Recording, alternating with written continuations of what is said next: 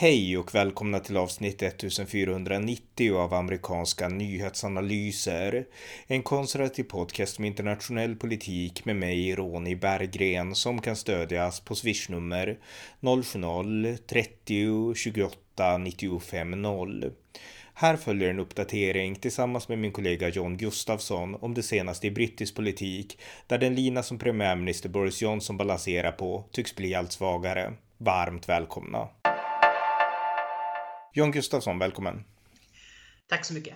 Eh, vi ska prata lite grann om Storbritanniens premiärminister Boris Johnson som har hamnat i blåsväder och i centrum för det här blåsvädret står en person som heter, eller hette ska man säga, Jimmy Savile. Eh, vem var Jimmy Savile?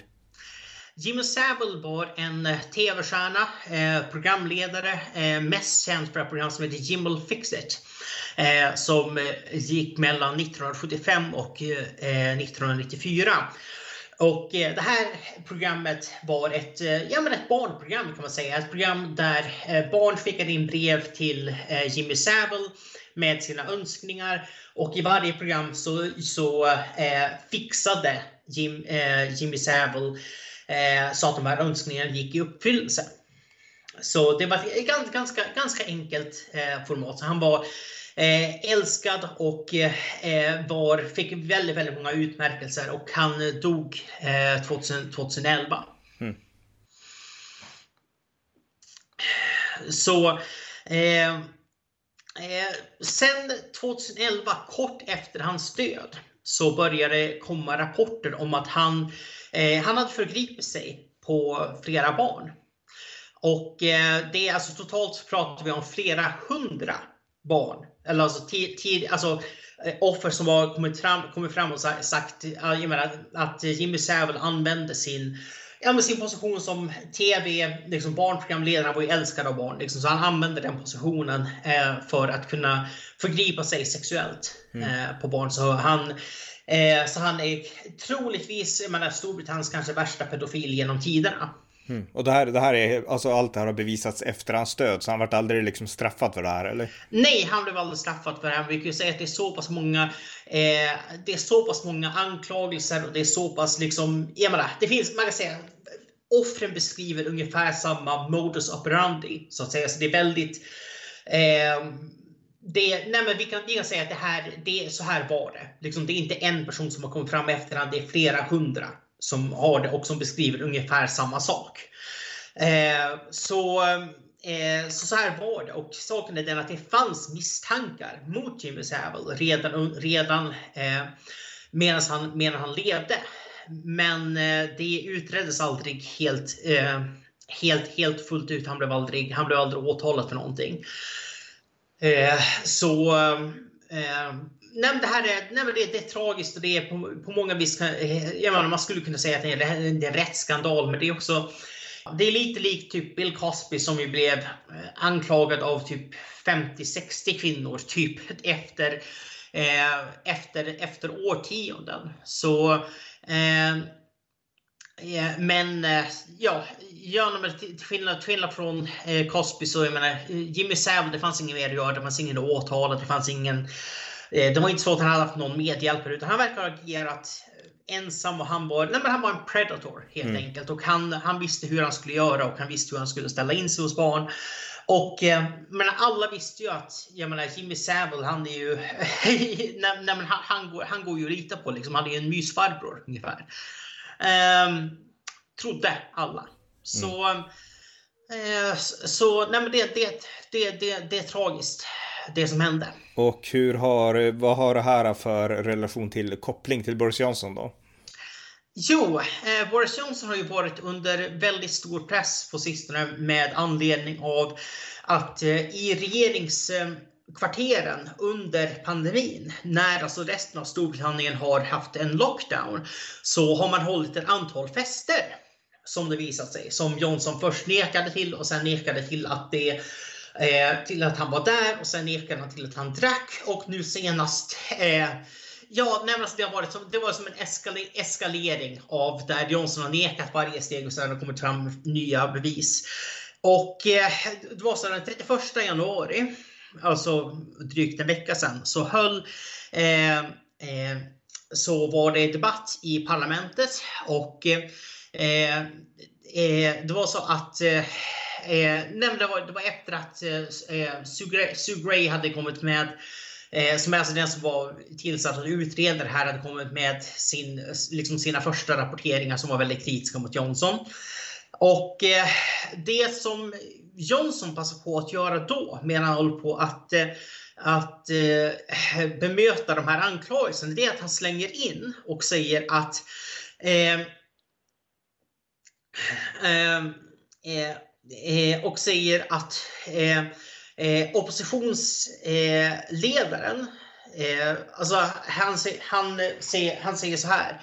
Eh, eh istället eh, så menar opposition, så säger oppositionsledaren som en före detta Director of Public Prosecutions, alltså ungefär riksåklagare, mm.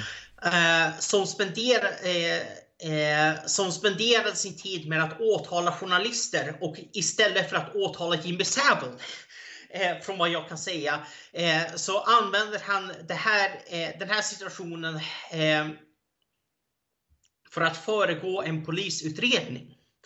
Alltså Johnson menar att Keir Starmer spelar politik med den här situationen. Han menar att Eh, jag menar, ja, det kan ha funnits personer inom regeringskvarteren som bröt mot pandemilagarna. Det här är civil servants. Det är inte så att Johnson har direkt kontroll över dem.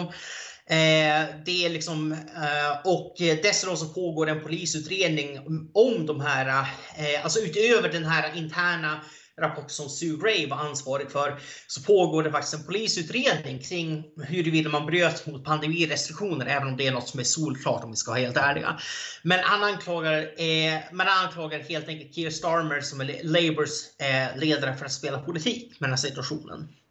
Och eh, eh Nej, men det är ju vanligt när en, när en kris uppstår att eh, regeringen anklagar oppositionen för att spela politik med den krisen. Mm. Eh, men just det att han slängde in att han åtalade journalist, eh, journalister istället för, istället för att åtala Jimmy Savile. Det här var eh, eh, eh, det var ju, det var ju så att säga ganska känsligt för det där, är, det där är ett öppet sår så att säga för att Eh, just för att, jag menar, som sagt, Jimmy Savile var död när de här anklagelserna kom ut i media. Eh, det fanns inget att göra. Det fick, det fick, fick liksom inget slut på den, på den, på den eh, storyn. Eh, och eh, nämna så här att, eh, jag menar, Keir Starmer är åklagare till yrket. Och eh, han var mycket riktigt riksåklagare under, eh, under den här perioden eh, eh 2008 till 2013 och Jimmy Savile dog 2011. Men 2007 eh, så eh, 2007-2008 så skedde det faktiskt en utredning kring, eh, kring Jimmy Savile där man i, i slutändan bestämde sig för att inte åtala honom något som man kan ju säga efterhand var ett ganska stort misstag. Och det är det här som Johnson vill så att säga härleda mm. till att Eh, nej men, eh, Keir Starmer vågade inte ge sig på en kändis, men han vågade ge sig på eh, journalister som begick hets mot folkgrupp och liksom andra, andra liksom små, små saker. Eh, som, som Johnson ser det. Ja, vad är det, det som är så upprörande då? Liksom? Det som är så upprörande är att det här nådde aldrig, eh, det här nådde aldrig Keir Starmers bord. Han hade inget att göra med det här beslutet. Mm. Utan jag menar, poliser gör jätte, alltså polismyndigheten gör jättemånga förundersökningar varje år. Och eh, det, här var, det här var inget beslut som Keir Starmer på något vis var eh, liksom eh, på, något vis, på något vis var eh, eh, tog, tog, del, tog del av. Han hade ingenting med det här att göra. Och eh, sen är det också det att det här eh, utreddes. Det skedde faktiskt en intern utredning efter Sävos död där man skulle re ta reda på hade liksom polis och åklagare gjort något fel här baserat på det man visste 2007-2008 när utredningen skedde. Och eh, det kom man fram till att det hade man inte gjort. För att de liksom bevis liksom det underlag man hade då, det hade inte räckt till en fällande dom. För att det var inte, jag menar det var något enstaka, alltså typ en person som hade gått fram och anklagat Sävel för någonting som hade skett för jättelänge sedan. Det finns inget, liksom, det finns inga rättstekniska bevis eller ingen, inget sätt liksom att bevisa någonting. Och det är tyvärr, men det är tyvärr ofta så i sexualbrottsfall att ord står mot ord och då finns det inte grund för en fällande dom och finns det inte grund för en fällande dom så ska man inte väcka åtal. Så att jag menar, Dels Storm hade ingenting med saken att göra och dels även om han hade haft det så fanns det inte bevis vid den tidpunkten, tyvärr. Mm, just det. Ja, så att han, han drar om i ett öppet sår då lite grann då Boris Johnson. Är det det som nu har liksom ställt till det för honom eller? Ja, det är, det är väl en av de saker som har ställt till, ställt till honom för det. Och sen är det att han har eh, hårdnackat så sent som bara igår tror jag så, så vägrade han be om ursäkt för det här. Och eh, eh, det kan vara en bra strategi i många fall att eh, eh, eh att, att, inte, eh, att inte be om ursäkt för att det är som att nej, det blir ju liksom blood in the water om man säger så att, att eh, folk börjar kräva mer och mer att man ska, backa, man ska backa tillbaka. Men i det här fallet så borde han faktiskt be om ursäkt. För att det han sa var ju, jag menar, eller det han antydde, det var ju faktamässigt helt felaktigt. Det, mm. det, går inte att komma, det går inte att komma ifrån. Och sen var det det att det här fick också konsekvenser för Keir Starmer. i Det att han eh, bara dagar senare möttes av en alltså, lynchmobb. Alltså där han eh, när han kom ut, utanför hans eget hem om jag minns, minns rätt. Alltså det, var, och det var folk som var jättearga med liksom, han hade gjort en, en cover-up och liksom skyddat, skyddat Jimmy Savile och så vidare. Det var helt baserat på det Johnson hade sagt. Eh, så eh, nej, det här får det, det, politiska klimatet i Storbritannien är väldigt infekterat. Det är väldigt polariserat. Man måste vara försiktig med vad man säger som politiker. Och eh, det var inte Johnson i det här fallet. det här var ju och det här hade ju nästan ingenting med debatten att göra utan det var hans försök att så att säga skifta debatten eh, på, på, en an, på en annan mark, alltså få Starmer att gå på defensiven. Mm. Men okej, okay, det här har alltså fått honom att bli inpressad i ett hörn. Alltså hade det hjälpt honom om han hade bett om ursäkt tror du?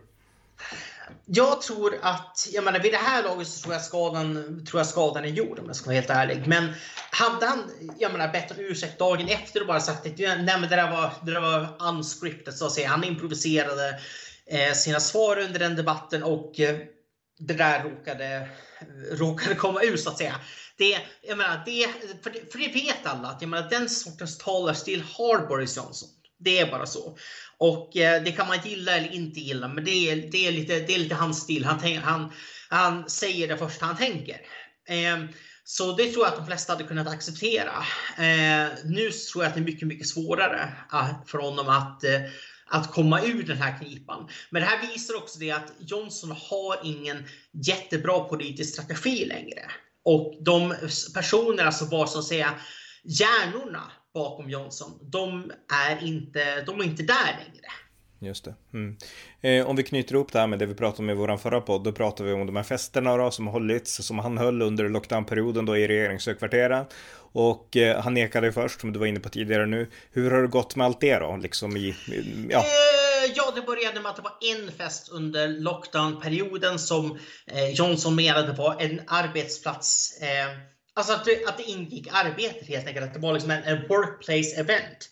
Så att eh, eh, så att det var ingen fest utan det var att man hade ett, eh, ja, men ett möte liksom mellan politiska rådgivare och parlamentariker liksom under så att säga informella former. Eh, sen kom det fram att eh, det var alkohol där, vilket inte det passar sig om det är arbetstid. Eh, och nu så pratar vi om att det har skett typ ett dussintal fester. Inklusive en julfest. Mm.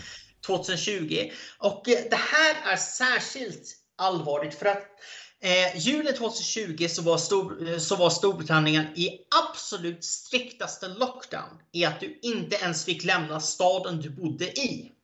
Så du fick inte åka till släktingar för att, för att fira jul. Det var liksom all transport stäng, stängs ner, liksom allt. Det är absolut maximal, eh, maximal lockdown. Så julen blev inställd i Storbritannien kan man säga. Eh, så det blev liksom inga, eh, inga festligheter, inga släktträffar, ingen, ingenting. Nada. Eh, och precis dagen efter efter att man hade tillkännagett att vi ställer in julen i Storbritannien så håller man julfest i regeringshögkvarteren. Och Johnson är där och dricker champagne. Dessutom. Jo, det var förresten det senaste som, som kom ut att eh, det kom ut några bilder idag där Johnson sitter vid en öppnad champagneflaska och ser liksom lagom berusad ut om jag säger så. och eh, dessutom så har, så har, man också hållit en fest i Johnsons lägenhet. Så definitivt inte liksom en arbetsevent utan eh, i Johnsons eh, egen lägenhet där Eh, det dessutom kommit fram att eh, eh, personal på regeringskvarteren hade blivit så berusade att de eh, gett sig på Johnsons barns eh, rutschkana. Ja, det här blir bara mer och mer absurt. Mm. det är... Eh, nej, men om, om, man säger så här, om du blir så berusad att du får för dig att, eh, å, att åka i någon femårings rutschkana, eh, då är det dags att sluta dricka. Och då är det definitivt inte ett arbetsevent. Helvete. Alltså det här är absurt. Det är ungefär så absurt som det bara... Så att det, det här är det färskaste alltså? Ja, det här är det färskaste och Dominic Cummings som för övrigt är källan till allt det här. eh, som ju är den som påpassligt nog tog alla bilder. Mm. Eh, han säger också att det finns mycket, mycket värre bilder på lager. Mm, okay. mm. eh, så att nej, men det här är orkestrerat av Dominic Cummings. Han släppte en, eh, en rapport först. Johnson förnekade, han släpper bildbevis. Johnson erkänner en del. Eh, men förnekar fortfarande det mesta. Han släpper nästa bild som bevisar att Johnson har ljugit igen och så vidare. och Så vidare. Så han sp spinner in Johnson så i ett nät av, eh, av lögner.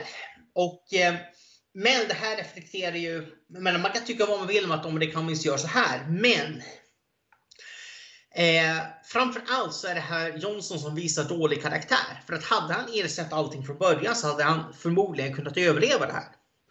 För att det Johnson skulle ha gjort, liksom det han skulle ha gjort från början, det är att säga att ja, det hölls liksom olovliga event.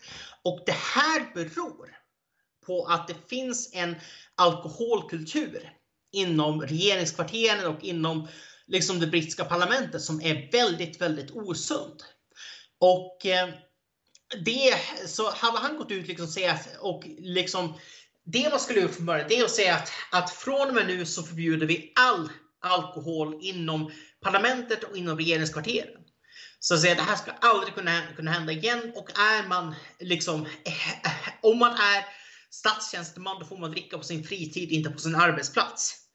Liksom då, det hade det, det, det, hade, det hade gått att undvika. Då hade han kunnat ta befäl över hela frågan liksom. Men Precis, hade, han, hade kunnat, han hade kunnat ta, ta befäl över den här frågan och säga att jo, men nu, nu vidtar vi åtgärder eh, Eh, för, för det här. Och jag menar, den första lockdownfesten som man höll, där hade man ändå rimlig ursäkt. Och det var att det var två, tre dagar innan restriktionerna lyftes i, i, i resten av Storbritannien. Så då tänkte man att nu är pandemin i princip slut, så jag menar vad spelar det för roll? Vi liksom tar en, tar en öl liksom i det vackra vårvädret. Typ. Och det var alltså våren, eh, sen våren 2020 där man hade börjat få kontroll eh, över, över pandemin. Sen tog den fart igen såklart under hösten. Men eh, men det hade man inte kunnat, kunnat, kunnat ursäkta. Det hade folk kunnat tänka att jo, men de flesta av oss bröt lite mot restriktionerna där på slutet också.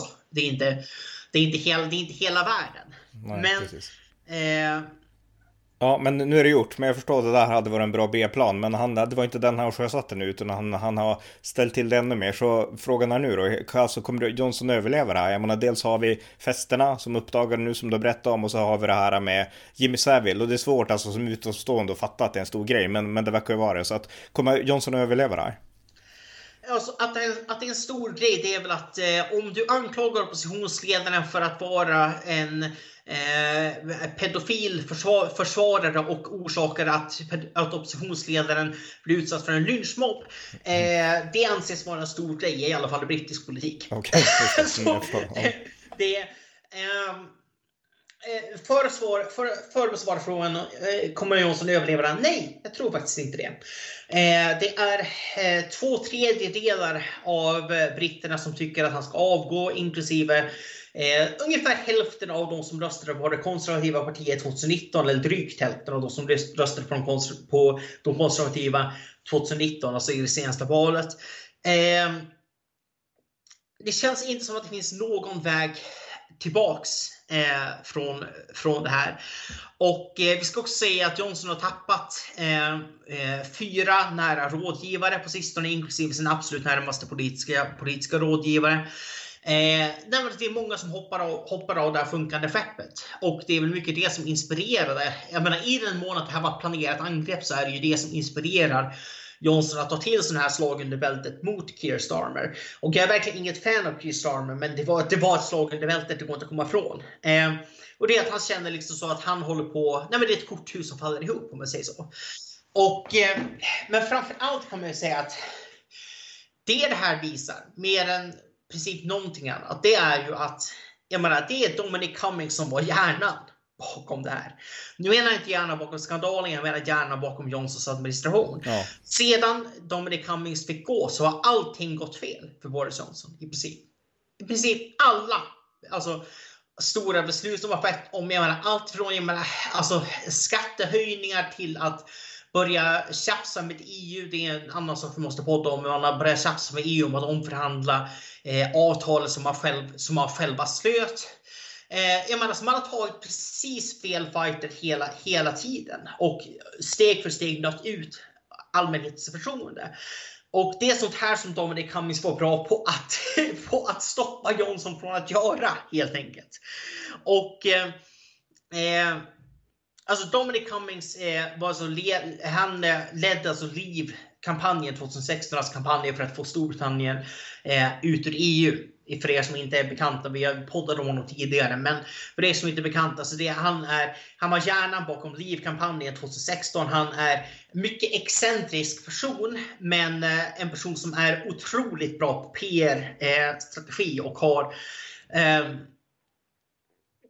och har liksom, nej men han, han har känt för liksom vad, allmänheten, eh, vad allmänheten prioriterar. Det var det som hjälpte eh, LIV-kampanjen att vinna folkomröstningen 2016. Det var det som hjälpte Boris Johnson att vinna eh, 2019. Så, eh, eh och, eh, och vi kan också säga att jag menar, mitt i allt det här ska vi nämna att eh, Dominic Cummings eh, fick gå på grund av en maktkamp med Carrie Simmons som är alltså Boris Johnsons fru. Så man kan säga att jag menar, i hela den här historien så är Carrie Simmons, hon är Yoko Ono ungefär. Den som, ja, alltså Yoko Ono som splittrade Beatles en gång i tiden. Och eh, nej, alltså, jag menar, Johnson har rätt som är med vem han vill, men Eh, Carrie Simons har aldrig jobbat i politiken. Hon har inget politiskt omdöme överhuvudtaget. Jag vet inte ens om hon är konservativ. Eh, och hon skulle ha hållits från behörigt avstånd från alla politiskt strategiska beslut. Kan vi konstatera. Så nej, det, här är, det här är tragiskt. Och, eh, eh, och det visar också lite på den impul impulsivitet som, eh, som Johnson eh, ofta har, som har varit en av hans största svagheter genom hela hans politiska karriär. Och nu vill jag betona, Boris Johnson har varit en bra premiärminister överlag. Jag menar, han fick Storbritannien ut ur EU, han fick ett bra avtal, eh, utträdesavtal eh, med EU. Eh, han gjorde en jättebra eh, vaccinlansering som gjorde att Storbritannien eh, vaccinerades mycket, mycket snabbare än resten av Europa och kunde ta sig ur lockdown mycket, mycket snabbare än resten av, än resten av Europa. Eh, nej, men så Boris Johnsons eh, liksom, eh, i efterhand, när liksom allting har lagt sig om tio år, om man säger så, när man blickar tillbaka, så kommer Johnson att framstå som en, som en bra premiärminister.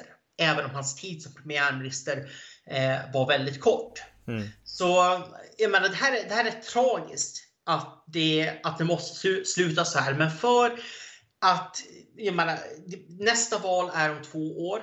Eller lite mer, lite mer än två år. Men för att eh, man ska kunna eh, avsluta det här kapitlet eh, så måste Johnson avgå nu och ge en annan person chansen att leda, eh, chansen att leda det konservativa partiet och etablera sin egen profil, sitt eget ledarskap i god tid innan nästa val. För att skulle Labour ta över så finns det en uppenbar risk Nu ska vi säga det att Keir Starmer eh, var Labours skugg-Brexit-minister.